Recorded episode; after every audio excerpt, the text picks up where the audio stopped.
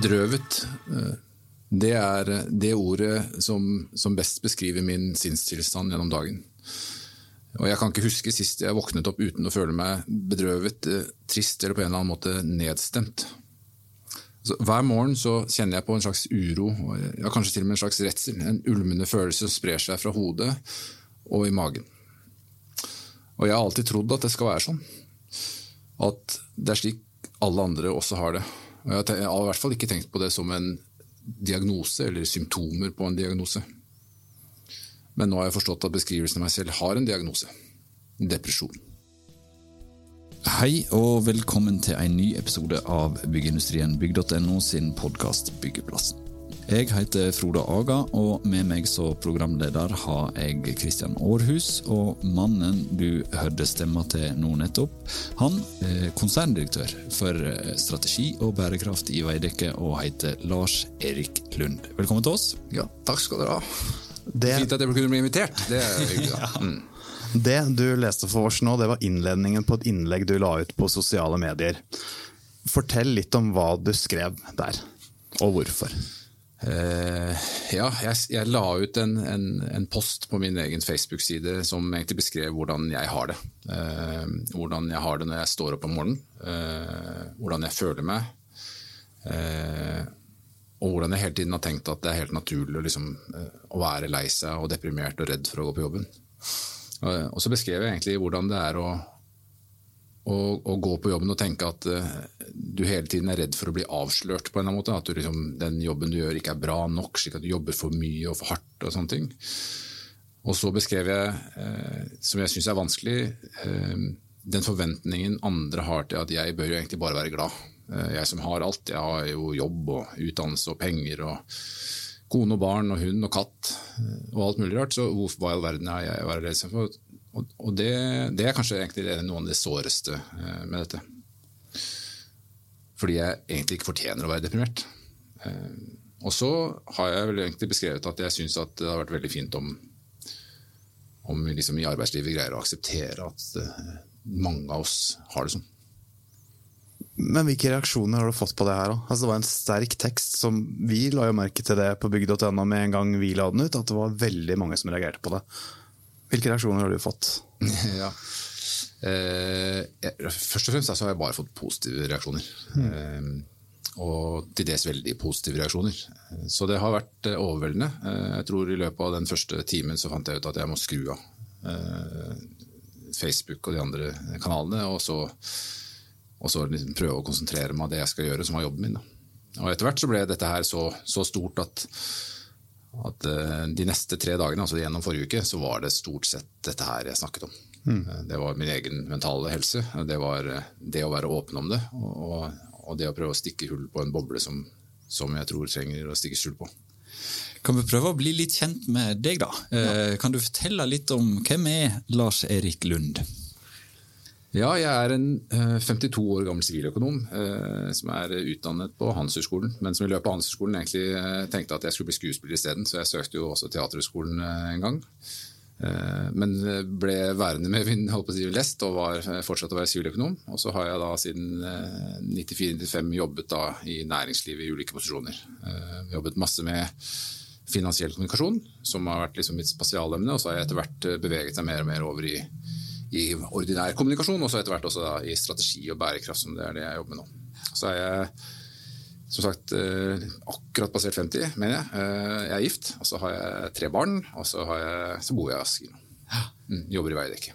Du jobber i Veidekke, og det er jo grunnen til at du er her i byggeplassen. Eh, hva gjør du i Veidekke, da?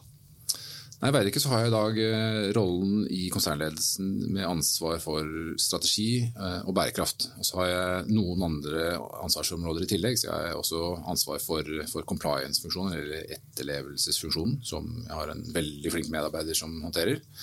Så det er, liksom, det er litt sånn sekkepost med en enkelte sånne fag- og funksjonsområder. Da, som jeg jobber med. Jeg lurer på, Hvordan er det å være leder og gå ut med et sånt innlegg som du eh, har gjort? Eh, du blottlegger deg veldig. Du skal som leder være sterk og tydelig og stole på dine egne beslutninger. Og, du skal spre det rundt til dine medarbeidere. Det, altså, bare sånn, det jeg sagt, da, når, når tirsdagen kom og jeg liksom valgte å legge det ut, da var, jo, da var jeg egentlig ganske home. Jeg visste at det gikk bra, altså internt. Jeg hadde ikke noe å frykte med jobben, for jeg hadde allerede liksom snakket både med, med Jimmy Bengtsson, som er konsernsjefen i Veidekke, og snakket med resten av konsernledelsen. Eh, Så jeg hadde fått orientert de godt. Jeg hadde orientert også deler av, selvfølgelig, eh, deler av mine ansatte, men også hatt en veldig lang og god samtale med familien om at dette hadde jeg tenkt å gjøre. Og så var det vel ingen av oss som egentlig hadde liksom tenkt hvor mye effekt og mye oppmerksomhet du ville få. Men, eh, så jeg var egentlig ikke så veldig redd når jeg gikk ut med det. Men jeg var redd når jeg trykket på knappen og skulle sende det til konsernledelsen. Og, bekymret for at jeg egentlig nå blottla at jeg egentlig ikke hadde så god kontroll som jeg forsøkte å gi inntrykk av. Eh, og det tror jeg er det som er, er liksom det, liksom, the gist, eller krukset i, liksom, eh, i det jeg har forsøkt å skrive, er jo at vi, vi eh, på ulike måter velger å gå inn i rollen som profesjonell med en eller annen form for rustning. Altså, enten så har man på seg blådress, eller så har man på seg andre ting som gjør at jeg liksom nå er jeg profesjonell. Og jeg har, jeg har til gode å høre noen snakke om emosjoner og følelser som adjektive på profesjonell, men det du hører er jo rasjonell, analytisk, kalkulerende, kald, eh, beslutningsdyktig, eh, tydelig, klar, stole på. Liksom. Det er jo elementer vi legger i profesjonell, ikke det å være 'jeg vet ikke, jeg tror, jeg er usikker, jeg er litt redd for at noen avslører'. For du skriver jo også det at du tror at det tar seg dårlig, ikke tar seg godt ut på CV-en å si at du har mentale utfordringer. Altså, Hva legger du i det, egentlig? Så, Jeg gikk jo jeg gikk mye lenger enn å si at jeg, har, liksom, jeg er redd for at noen skal avsløre at jeg ikke kan det jeg kan. Jeg gikk jo sågar ut og sa at jeg har, en, jeg har noe som trenger behandling. Så jeg trenger hjelp. Eh, Og det, det folk ser da, da, det er jo stigma med hvite frakker, eh, binde fast, eh, elektrosjokk, eh, type behandlinger som liksom, man har kun sett i veldig liksom, liksom, ekstreme filmer. Eh, så det å normalisere den type Kall det lidelser, normalisere det å ha sånne følelser, det tror jeg var viktig for meg. Og jeg tror det var noe som var annerledes med min historie enn hvis jeg sier at jeg liksom bare er redd for at noen skal avsløre at jeg ikke kan det jeg snakker om. Og da tenker jeg at der traff du virkelig eh, nerve hjå mange. Åpenbart eh, stort engasjement i eh, sosiale medier, viser det. Eh, Mange tusenvis av delinger på, på sosiale medier. Eh, Dagsrevyen har vært på besøk. Jeg vet at Dagens Næringsliv har intervjua deg. Vi står og intervjuer deg. VG har kjørt artikkelen. Så dette her er ikke noe som bare Lars Erik Lund sliter med. Dette er noe som flere kan kjenne seg igjen i. Ja, og det, ja, det, det snakket jeg faktisk med. Jeg driver jo og sykler sånn tidlig om morgenen. Jeg er en, eh, prøver da, så ofte jeg kan å være en del av en sånn gjeng som sykler eh, fra nederst i, i, i Kongsveien nedenfor Ekeberg, og så sykler en runde veldig veldig tidlig om morgenen. Eh, Og da, Sist gang jeg gjorde det, var torsdag. Eh, Da satt her er Tour de, Tour de Finance. Er det den? Nei, det er ikke Tour de Finance, det er noe som heter er- Oslo Dome Patrol. Altså det er en, veldig god venn av meg som heter Hans som har startet. Da. Eh, Så det her er det her- masse syklister. ja. Altså, vi er altså 70 mennesker som møter klokka ti over halv seks. Og sykler liksom 45 km altså Jeg sykler jo hjemmefra fra Asker, da. Og så ender opp på et sted og, og, og drikker kaffe. Men saken var det at jeg, i denne tilfellet her så visste jeg at jeg hadde lagt ut saken min på tirsdag. Det er torsdag, jeg tenkte jo ikke nå legger jeg meg helt bakerst. liksom bare ikke, ikke så mange snakker med meg. Og så er det en som stiller opp ved siden av meg og sa at eh, du vet at eh, hvis du hadde vært snekker, så hadde ingen giddet å høre på det i det hele tatt. Det er nummer én. Så det at du er konserndirektør, gir jo liksom deg en ropert. Den må du bruke. Det var liksom første stikk, og jeg tenkte ok, det var et veldig godt utsagn. Og så sa han at eh, hvis du hadde egentlig kommet inn og beskrevet en sånn sykelig depresjon, altså virkelig sånn vanskelig og tung depresjon der det må ha ordentlig behandling og bli lagt inn og den type ting, så hadde ikke noe mange relatert seg til historien din. Men det de relaterer seg til, er at jeg beskriver alt imellom. Altså absolutt alt fra det å være litt lei seg eller bekymre seg på, for jobben mandag på søndag kveld, til å være ordentlig lei seg eh, hele uken. Og Det gjør at jeg treffer jo sikkert 90% av Norges befolkning. Eh, og det representerer også den feedbacken jeg har fått. Altså de, eh, så jeg sa til, når jeg snakket med NRK eh, i forrige uke, så, så, så var jeg omtrent på sånn 2000 e-post slash eh, messenger-meldinger. Nå klarer jeg ikke å telle lenger. Og, og alt er 'jeg har det sånn som du har det'. Men er det snekker, eller er det ledere?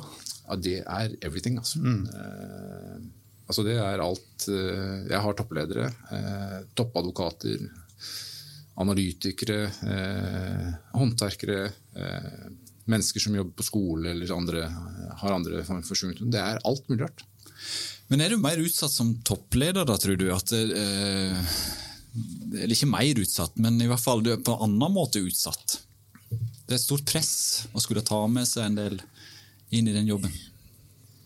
Ja, det vet jeg ikke. Jeg, jeg, det kan man sikkert tenke seg at det er et større press fordi det er et større ansvar. eller på en eller annen måte liksom, Du er jo mer synlig i den rollen du har. Men jeg tror ikke det er noe verre det jeg føler, enn det eh, eventuelt en snekker eller noen andre på våre byggeplasser føler.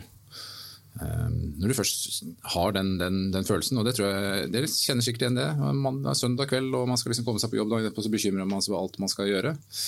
Det er jo en veldig vanlig følelse. Så, så, så, det eneste jeg kanskje har i tillegg, det er at jeg etter hvert som man stiger i gradene, så føler man man løfter seg over det som er et eget kompetansenivå. Og så har jeg beskrevet det som at når noen ser på meg, eh, så ser de en person som sykler, er frisk, rask, eh, trent, eh, har alt det som jeg har. Når jeg ser meg i speilet, så ser jeg hele meg. Altså jeg ser en person som er altså Til tider jeg, jeg kan forakte. Da. Jeg kan se i speilet og tenke at det der liker jeg så dårlig. Mm. Um, og de to, altså Den forventningen andre stiller at ok, det er den han er, den kjenner jeg på. Jeg, altså, jeg lager mine egne forventninger til meg selv, at jeg skal matche den forventningen andre har. Men jeg er jo ikke der. Og den, er, den forskjellen der er innmari vond. Ja, Det er jo ikke gode tanker å, å skulle ha i en sånn konversasjon med seg sjøl. Eh, jeg lurer på, Det er jo de rundt deg. Eh, hvem er det du har snakka med mest før du går til det steget og og tar det ut i offentligheten, da, og ikke står der ved speilet. Ja, det er jo speilet jeg har snakket mest med. Men du har gjort det noen Ja, det. ja jeg, har hatt, jeg, har hatt, eh, jeg, har det. Eh, altså jeg, jeg satte meg ned eh, altså For et år siden så, så, var det en veldig god venn av meg som, som, slet ordentlig, og som valgte å gå ut med sin historie. Og jeg tenkte at han, han, det der er så tøft å gjøre. Og han ofrer sin, sin anseelse og sitt liksom, Eh, rykte på, på, å gå ut sånn. Og da sa han til meg at det, eh, det fine med det Lars Erik, det er at du, du tar egentlig kontroll over din egen historie.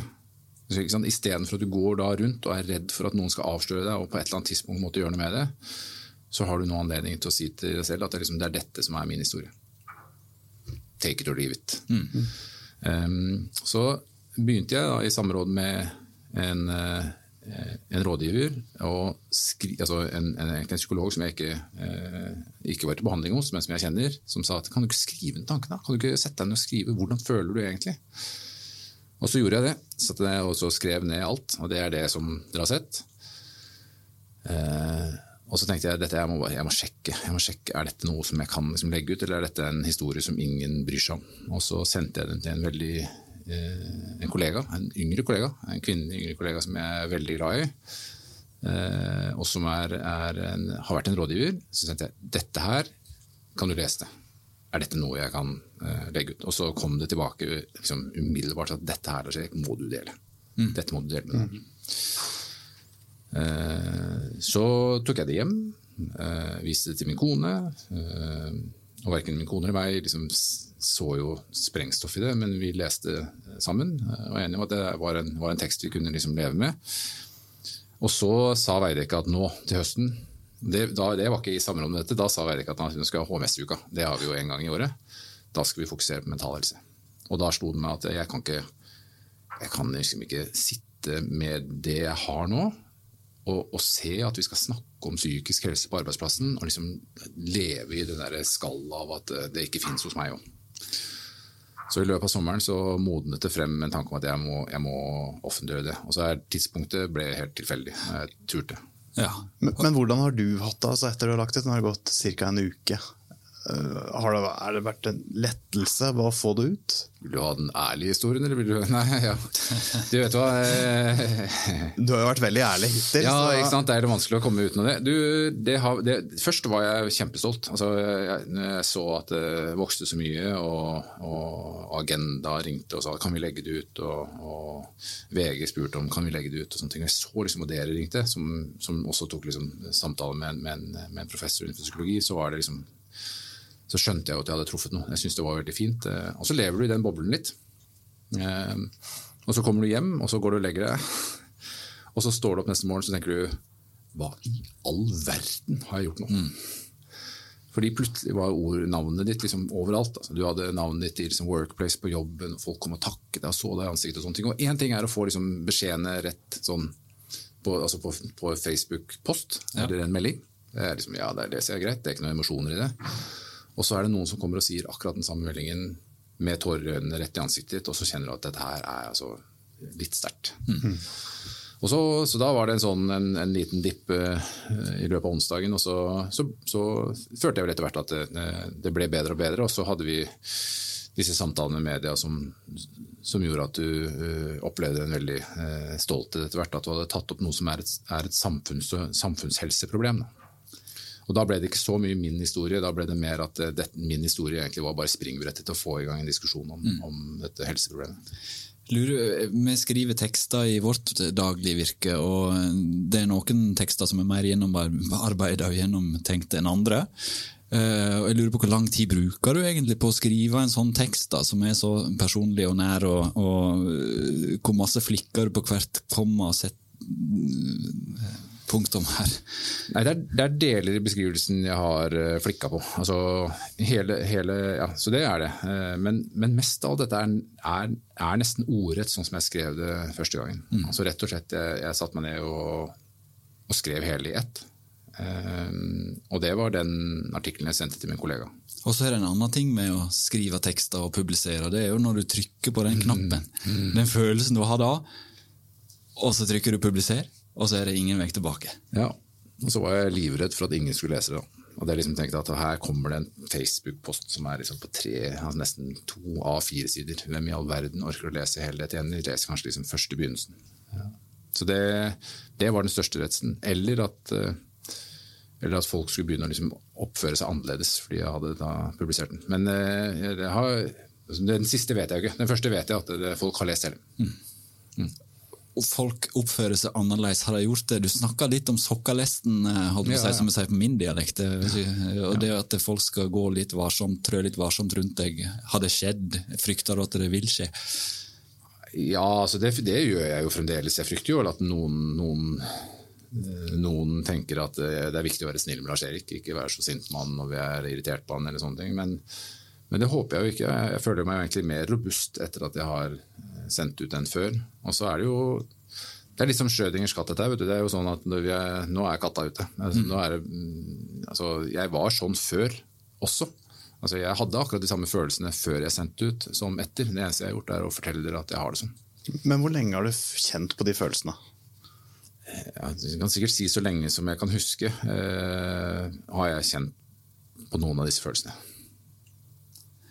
I Dagens Næringsliv så sier ko- eller du siterer kona di sjøl, eh, egentlig, at dette har jo vært 20 år eh, rundt der omkring. Men hvordan, og Da har jo hun åpenbart merka det på deg. Har kollegaene dine i Veidekke andre plasser uh, merka det på deg? Jeg tror nok det har gått opp en eh, Jeg tror nok de har fått det der som mynten Aha, ah, det var det, det er det som er greia. ikke? Så, så ja, det er klart det. Jeg har jo veldig vanskeligheter med å si eh, ja, det går bra, når folk sier går det bra med deg, liksom. Hvis de ikke gjør det. Så det, det tror jeg nok de har merket. eh, Og, og det var jo det jeg kjente på hele tiden. at jeg, i, Tidligere så hadde jeg liksom litt krefter og makt til å liksom stå imot det og si at nei, ja, nå er jeg blid, liksom, og jobbe hardt med den energien for å holde det.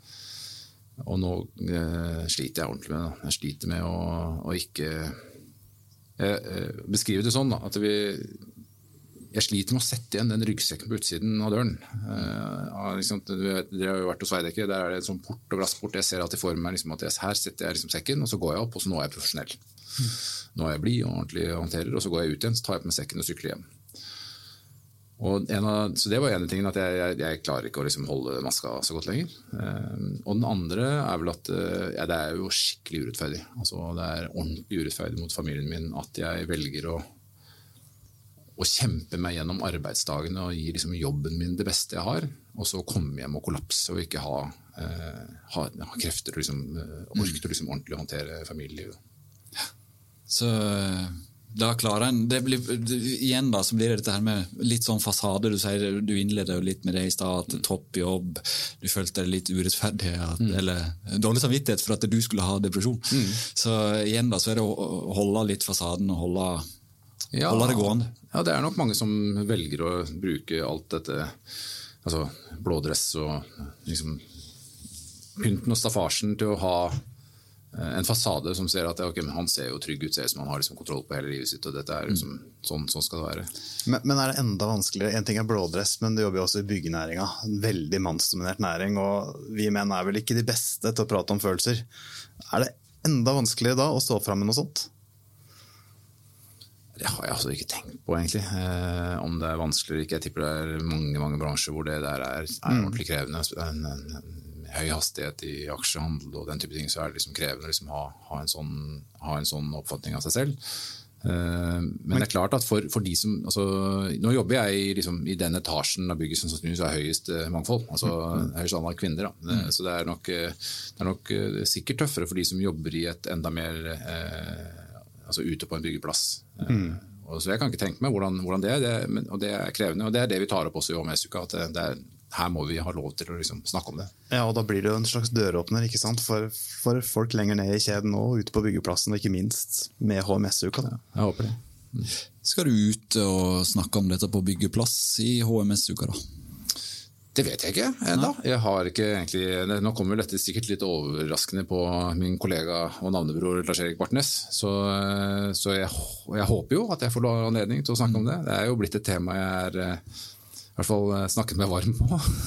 ja, det, har, det, er ikke første gang Veidekke setter søkelys på dette. for Det hadde vel eh, helseministeren nå på, på besøk ja. i anledning eh, mental helse. Hvorfor har det vært høyt oppe på agendaen i Veidekke? Kan du si noe om det? Ja, I fjor, altså når, når, Bent Høie var med ut på UDK, et av UDK-prosjektene i forbindelse med, med, verdensdagen for psykisk helse, så var det jo akkurat det. Eh, altså at eh, psykisk helse også liksom er en viktig tema for, for, hvordan vi skal håndtere. Man kan tenke at Beslutninger man tar i distress eller en annen form for depresjon, vil jo ikke være like gode som hvis man er klar over at man faktisk har det sånn. Og, og de som jobber på byggeplass, tenker jeg, de har jo dette under huden. De er nødt til å liksom, ta løpende beslutninger som kan være krevende, og som også er krevende for sikkerheten. Så når Bent Høie eh, og vi hadde den samtalen, og vi har en, en, en bedriftshelsetjeneste i, i Kjell Øgå Sørensen eh, og hans team, som setter, er så opptatt av at de ansatte i Veidekke har det bra, eh, så blir dette en sak på agendaen. Men det betyr ikke at det er like åpent av den grunn. Så det, så, så det er jo jeg, ble, jeg, må innrømme at jeg ble både overrasket og veldig veldig glad når Jimmy sa at dette her syns jeg du skal gå ut med. Uh, dette her er en viktig sak. Og Det betyr noe å ha kollegaer rundt seg som sier at dette her syns, vi syns det er leit at du har det sånn, men vi syns det er viktig at du snakker om det. Mm. Så, så, jeg vet ikke hva Veidekke Jeg tror Veidekke har en uh, kultur som uh, er basert på stor grad av åpenhet. Mm. Og er opptatt, hvor jeg er veldig opptatt av, av både våre kollegaer og, og medarbeidere. Mm. Ja, du har vært litt inn på hvordan det har vært internt, og Jimmy Bengtsson støtter deg. og sånn, Men kommer det noen reaksjoner fra, fra eh, lenger ned i systemet? Ja, det kommer reaksjoner fra hele, jeg ikke. Altså, vi har jo en sånn eh, Facebook-type uh, intern sosial mediekanal som heter Workplace. Så jeg la det jo ut der samtidig. Ja. Um, og også der så er det jo blitt et hyppig delt innlegg og, og et veldig altså mange har dikt innlegget og veldig mange kommentarer. Og så er det jo internt er det lettere liksom, å ta kontakt direkte, eh, enten gjennom SMS og, og e-poster. Så jeg har, jeg har, overveldende mange eh, som har tatt kontakt. Mm. Og eh, Det renner jo stadig på med medieforespørsler. Du sa på veien inn at du skulle til God morgen Norge TV 2. Og, ja. eh, så når tar dette slutt? da? Eh, kommer du til å fortsette å prate om dette når media slutter å ringe? Ja, det vil jeg jo. Eh, det vil jeg nok. Jeg vil jo prate om det så lenge det er, eh, det er noen som syns det er interessant jeg prater om det. det er klart at Den dagen noen ber om at nå skrur av Facebook-kontoen, liksom, jeg er lei av mental helse, så skal jeg, altså, jeg liksom vurdere det. Men da tror jeg, det tror jeg er, noe, det er en stund til. Men jeg har jo ikke tenkt å presse på folk. Altså det, det, jeg har sagt er at Dette er jo min historie. Jeg er opptatt av at vi, eh, at vi jobber for et arbeidsliv som aksepterer og har liksom muligheten til å, å, å, å ha åpenhet om disse problemene. Samtidig så er jeg ikke opptatt av en, en arbeidsplass som setter seg rundt i, med beina i kors og snakker om følelser hele tiden. Uh, det er det jeg mener at vi ikke trenger. Altså, vi, trenger vi trenger en arbeidsplass hvor det er lov å komme sånn som du er. Uh, og jeg mener også det er løsningen på mangfoldsspørsmål. Det, det, har jeg også sagt i enkelte av de intervjuene, at jeg tror at det er, det er der spørsmålet om mangfold starter også i vår bransje. Mm. Jeg lurer på eh, korona og pandemi og mental helse. Hvordan eh, har den matchen vært? Den har vel kanskje ikke gjort det enklere, selv om du kanskje trodde det i det du gitt inn. Ja. Jeg, jeg, minnes noen setninger om det fra teksten din nå. Ja, det, det, det var også jeg, ja, det var, det var når, når 12. mars kom, så jeg reiste hjem. Eh, og hele familien skulle være hjemme, så tenkte jeg dette er jo som å være på fjellet. Dette er jo så koselig. Vi tenner i peisen, og det var fredag, og var sånn, nå skal vi være hjemme, og nå skal ingen liksom mase av gårde på fritidsaktiviteter eller skole. Uh, og så er det sånn at og jeg tenkte at det, det her er jo jeg perfekt laga for. Dette, her, dette, kan jeg. Uh, være alene, slippe liksom, at noen skulle si eller vurdere meg. Men det som skjer, er at du får en distanse uh, i, i forholdet til andre mennesker. Du får en distanse som gjør at du istedenfor at du blir mindre spekulasjon, så blir det mer spekulasjon. Og det tror jeg mange har følt på. Uh, mange har følt på den frykten for at arbeidsgiver egentlig tenker inni sitt stille sinn at ok, han, han, eller hun er ikke på kontoret, jeg vet ikke helt hva de gjør, de sitter sikkert hjemme og liksom ser på Netflix og gjør ikke noe fornuftig. Eh, og så sitter du og vurderer og tenker på den følelsen at eh, har jeg egentlig jobb når jeg kommer tilbake, eller har jeg ikke. Så den, jeg tror nok det er mange som har gått igjennom mer eller mindre ganske krevende situasjoner gjennom pandemien. Igjennom ved å ha hjemmekontor. Mm. Men det har jo vært en lang periode med hjemmekontor og pandemi. Mm. Har det også påvirka deg? Gjorde det også at du følte at nå var det på tide å ja, Det var ikke bare det at jeg var på hjemmekontor. Jeg kunne jo faktisk også, jeg hadde jo anledning til innimellom å være på kontoret. Mm. sågar. Altså, men det var at de som jeg var sammen med, heller ikke var på kontor. Mm. Så det var simpelthen den distansen at alt skjedde digitalt. Um, og, og det, er jo, eh, det er jo en annen del av måten vi har begynt å kommunisere på, at vi sender e-poster og SMS-er for alt. Og SMS-er har ikke, eller e-poster har ikke følelser. Altså Den følelsen du kanskje kan dra med, det er en emoji, liksom, mm. et smilefjes eller den type ting. Um, og jeg kjente veldig på en del av de tilfellene hvor jeg sendte e-poster til mennesker og ikke fikk svar, og tenkte hva har jeg sagt galt nå? Hva, er, hva, er, hva var det i min SMS eller min e-post som ikke liksom Og så er det bare sånn at de ikke har tid til å se den. Mm. Men på jobb så ville jeg jo simpelthen bare gått bort og spurt. Ja, har, fikk du den? Har du sett den? Har vi diskutert det? Men her ble liksom all diskusjonen på digitalt. Så for meg så skapte det mer usikkerhet enn mm. det det var. Og, og, usikkerhet rundt hvordan folk oppfatter deg og hvordan de karakteriserer deg. om du får ni positive tilbakemeldinger og én negativ, sa du, så er det den ene negative som drar det ned i en sånn negativ tankespiral. Ja, ja ikke sant. Det, og, og, det er nok noe jeg har levd med veldig lenge. Eh, at, at det, det, å leve og ånde på tilbakemeldinger eh, er jo det man egentlig gjør. altså Anerkjennelse eller oppmerksomhet for at man har gjort et godt stykke arbeid eller ikke gjort det. Ikke det er jo det man holder på med. Så for min del kunne det komme veldig veldig positive liksom, eh, tilbakemeldinger på et eller annet. Og så kom det én liten sånn Jeg kunne kanskje gjøre sånn, og så er det sånn ok, så kollapset det hele. Så er det sånn, Da er jeg nede i, eh, i tunnelen igjen. Um, og det krever jo en form for robusthet å liksom bare tåle at ok, det mener du. Uh, fine. Liksom. Men for meg så var det ikke sånn. og jeg, jeg brukte jo det som et uh, eksempel på Det var nesten en sånn bekreftelse på at de ni før var feil. liksom. Men Har du lært deg noen mekanismer for å tåle det bedre, da? Ja, Det var det jeg trodde at mekanismen var å være borte. da, altså På eh, hjemmekontor, mm. da ikke folk gjorde det. Uh, så min mekanisme nå er jo å være veldig tydelig.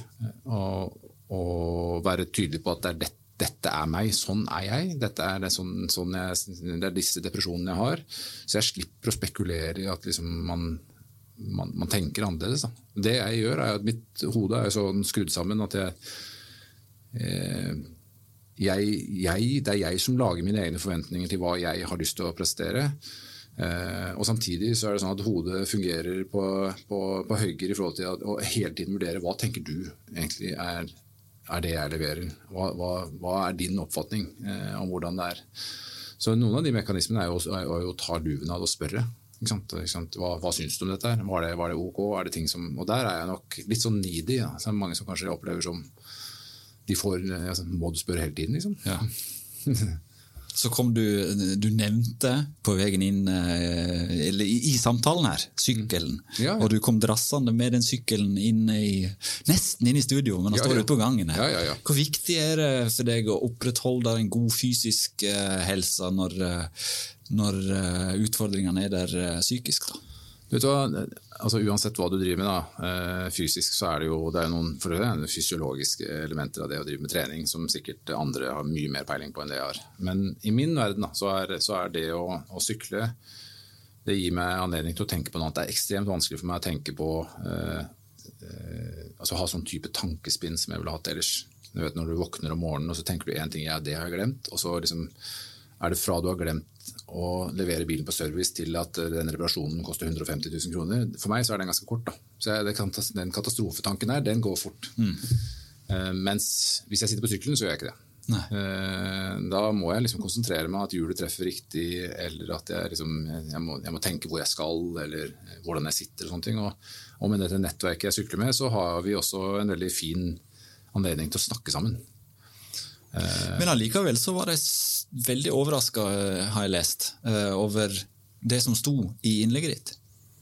Så da har dere kanskje ikke snakka sammen om akkurat dette? Nei, dette har vi ikke snakket om. Nei, nei, nei. Altså, vi, vi kan da, det, så dette her ble, ble liksom øh, Og nå har jeg ikke snakket med så mange liksom, av det sykkelmiljøet, eh, så de var overrasket over at jeg var sånn. De, de hadde også sett meg som en blid og smilende og ganske hyggelig fyr ikke sant? med alt det jeg har. Men det er kanskje det skallet man liksom lager på seg hele tiden. Da. Og jeg tenker at En av de tingene som er litt sånn interessant i, i hvordan vi har laget vår verden nå, det er eh, det er at vi, vi har én fin måte å presentere oss på om dagen. Det er på Instagram-kontoen vår. Mm. Der legger vi fram, og jeg har ingen venner som legger fram ting på Instagram-kontoen de ikke vil skal, andre skal ses.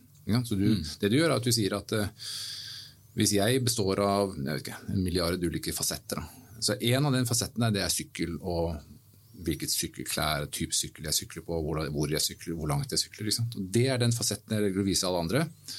Og så vet jeg selv at jeg er mye mer. Men det jeg blir møtt med på andre siden, det er jo en annen fasett som presenterer akkurat det. Så da er det sånn at når jeg da uh, ser andre som er ja, de har vært i Lofoten, eller de har vært sånn og sånn, og de har vært på sånn og sånn reiser, og de fine, flotte fjellene, så måler jeg den fasetten opp mot mitt hele meg. Ikke mot min fasett, men mot hele meg. Så jeg da først ser det, og så tenker du fy faen, de har det fint, ass. Og de har det så mye finere enn det jeg har. Hva er det jeg gjør som er gæren, som gjør at jeg ikke har det sånn? Hvorfor har ikke jeg den bilen? Hvorfor har ikke jeg det huset? Hvorfor har ikke jeg den utegrillen, liksom, den store grillen? Og så lager man liksom, istedenfor at det autentiske jeg og det autentiske deg, Frode, faktisk møtes helt, så lager vi en eller annen sånn fasett av det er det Frode er, og den har jeg bare sett på, på Instagram. Dette er det jeg er, det er det. Så vi har ikke en veldig sånn åpen, autentisk kommunikasjon rundt dette. Men, men tror du ikke det er derfor sånne type innlegg slår mye mer òg? Jeg har en kompis som legger ut brutalt ærlige meldinger på Facebook, og dette er det eneste bildet vi fikk barna til å smile på, ellers var det stort sett bare gråt. Ja. Det er sånne ting man legger merke til og biter tak i. da. Ja, jeg, jeg tror jo det der er det som kommer. Jeg tror at, eh, og jeg håper jo det, at, at eh, autentisitet, eller det med ektehet, at det er det som liksom vi begynner å legge fram. Fordi det er, det er selv de som har de fineste liksom, Instagram-kontoene eller den flotteste Facebook-feeden, har alle disse følelsene, har alle disse, disse bekymringene om fremtiden eller ting som de ønsker å liksom få diskutert. Men vi klarer jo ikke å diskutere det, fordi det, det, er liksom, vi har dette skjoldet imellom. Da.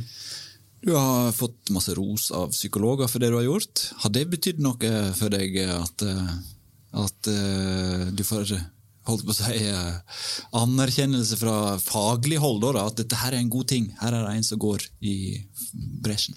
Ja, ja, ja jeg, har jo, jeg har jo sågar liksom, eh, egentlig ikke kritisert psykologer, da, men jeg har i hvert fall vært ute og sagt at jeg ikke hadde så mye hjelp av psykolog. Det tror jeg det står i Dagens Næringsliv. Um, og som jeg har skjønt at jeg har, da, etter at jeg har lagt ut. Mm. Så det er, jo en, det er jo en anerkjennelse. Jeg vet ikke om jeg har altså Jeg har sett, jeg har lest begge Eller de, de, de som Ped- har sendt ut. Ja, Peder Kjøs Peder Kjøs, eh, uttalte seg til NRK, Ja. og eh, Roger Hagen til oss. Og? Roger Hagen han sammenligna deg med Kjell Magne Bondevik, Ja. som var en annen eh, mann med, med viktig jobb, Ja. får vi si. Det kan man, det, det kan man trygt si, at han hadde nok en enda viktigere jobb enn det jeg har. Eh, Ja, det, det, det kommer jo til et punkt for alle mennesker hvor liksom det renner litt over, tenker jeg. Altså, men jeg, jeg er litt usikker på nå er jeg helt ærlig, jeg er litt usikker på hvor, hvor bevisst jeg var at dette kom til å bli en stor mediesak. Liksom. Altså, jeg, jeg tror nok at Når Kjell Magne Bondevik velger å gjøre det, så tenker jeg at det er vanskelig å komme utenom. Eh, når jeg gjorde det, så tenkte jeg egentlig at eh, jeg, har, jeg hadde sikkert liksom 500 venner på Facebook, eller noe sånt, kanskje er det liksom 100 av de som liker denne posten, og så er det liksom 13 som syns det kommer med en kommentar. Men da visste du, eller du snakket i stad om utfordringene ved Instagram og sosiale medier, men det her er jo virkelig ikke en utfordring på den måten. Da, da, er det jo et verktøy som kan bidra til Ja. det stikk motsatte. Ja, det tror jeg. Det tror, men jeg tror at eh, det er kun et verktøy når du bruker det liksom eksplosivt, holdt jeg på å si. Altså når du faktisk velger å bryte noen barrierer. Da. Men samtidig så sier du også at du ikke har tort å åpne Facebook knapt siden, siden du la det ut.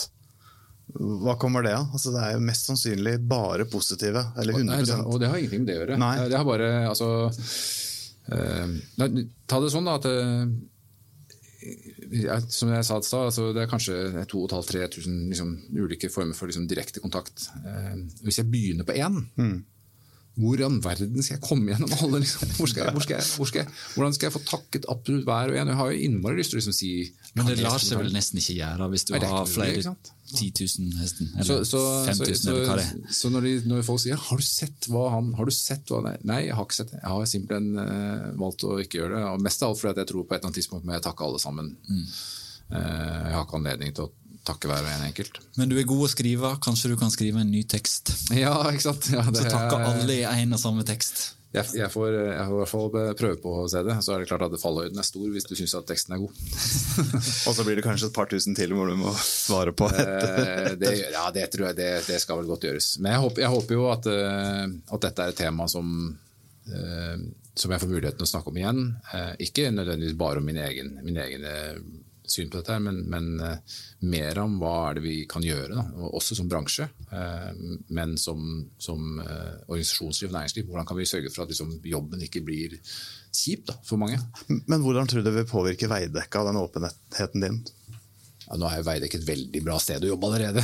Så nei, jeg håper at det blir enda bedre, og jeg håper at vi, vi får en enda mer, mer åpen dialog med hverandre. Da. Så det, tenker det er en uh, grei plass å avslutte, Uh, men uh, hvis du som lytter har et ønske om hjelp, så går det an å snakke med folk på enten Mental Helses hjelpetelefon, den har nummer 116 123, og så har Kirkens SOS et nummer du kan ringe, som er 22 40 0040. Og hvis det nå skulle stå om liv og helse, så kan du ringe 113. Eh, tusen hjertelig takk for at eh, du kom hit, Lars Erik. Ja, jeg jeg syns jo egentlig det er jeg som skal takke. Så, eh, tusen takk for at jeg fikk komme. En viktig samtale, eh, og det der med menn som snakker om følelser og sånn, det er ikke hver dag en står og har sånne samtaler, så det er krevende eh, å skulle, men jeg er veldig veldig imponert over hvordan du deler det. Jeg heter Frode Aga. Christian Aarhus er her med, ved min side. Vi heter Byggeplassen her i vår podkast. Plutselig er vi tilbake med en ny episode.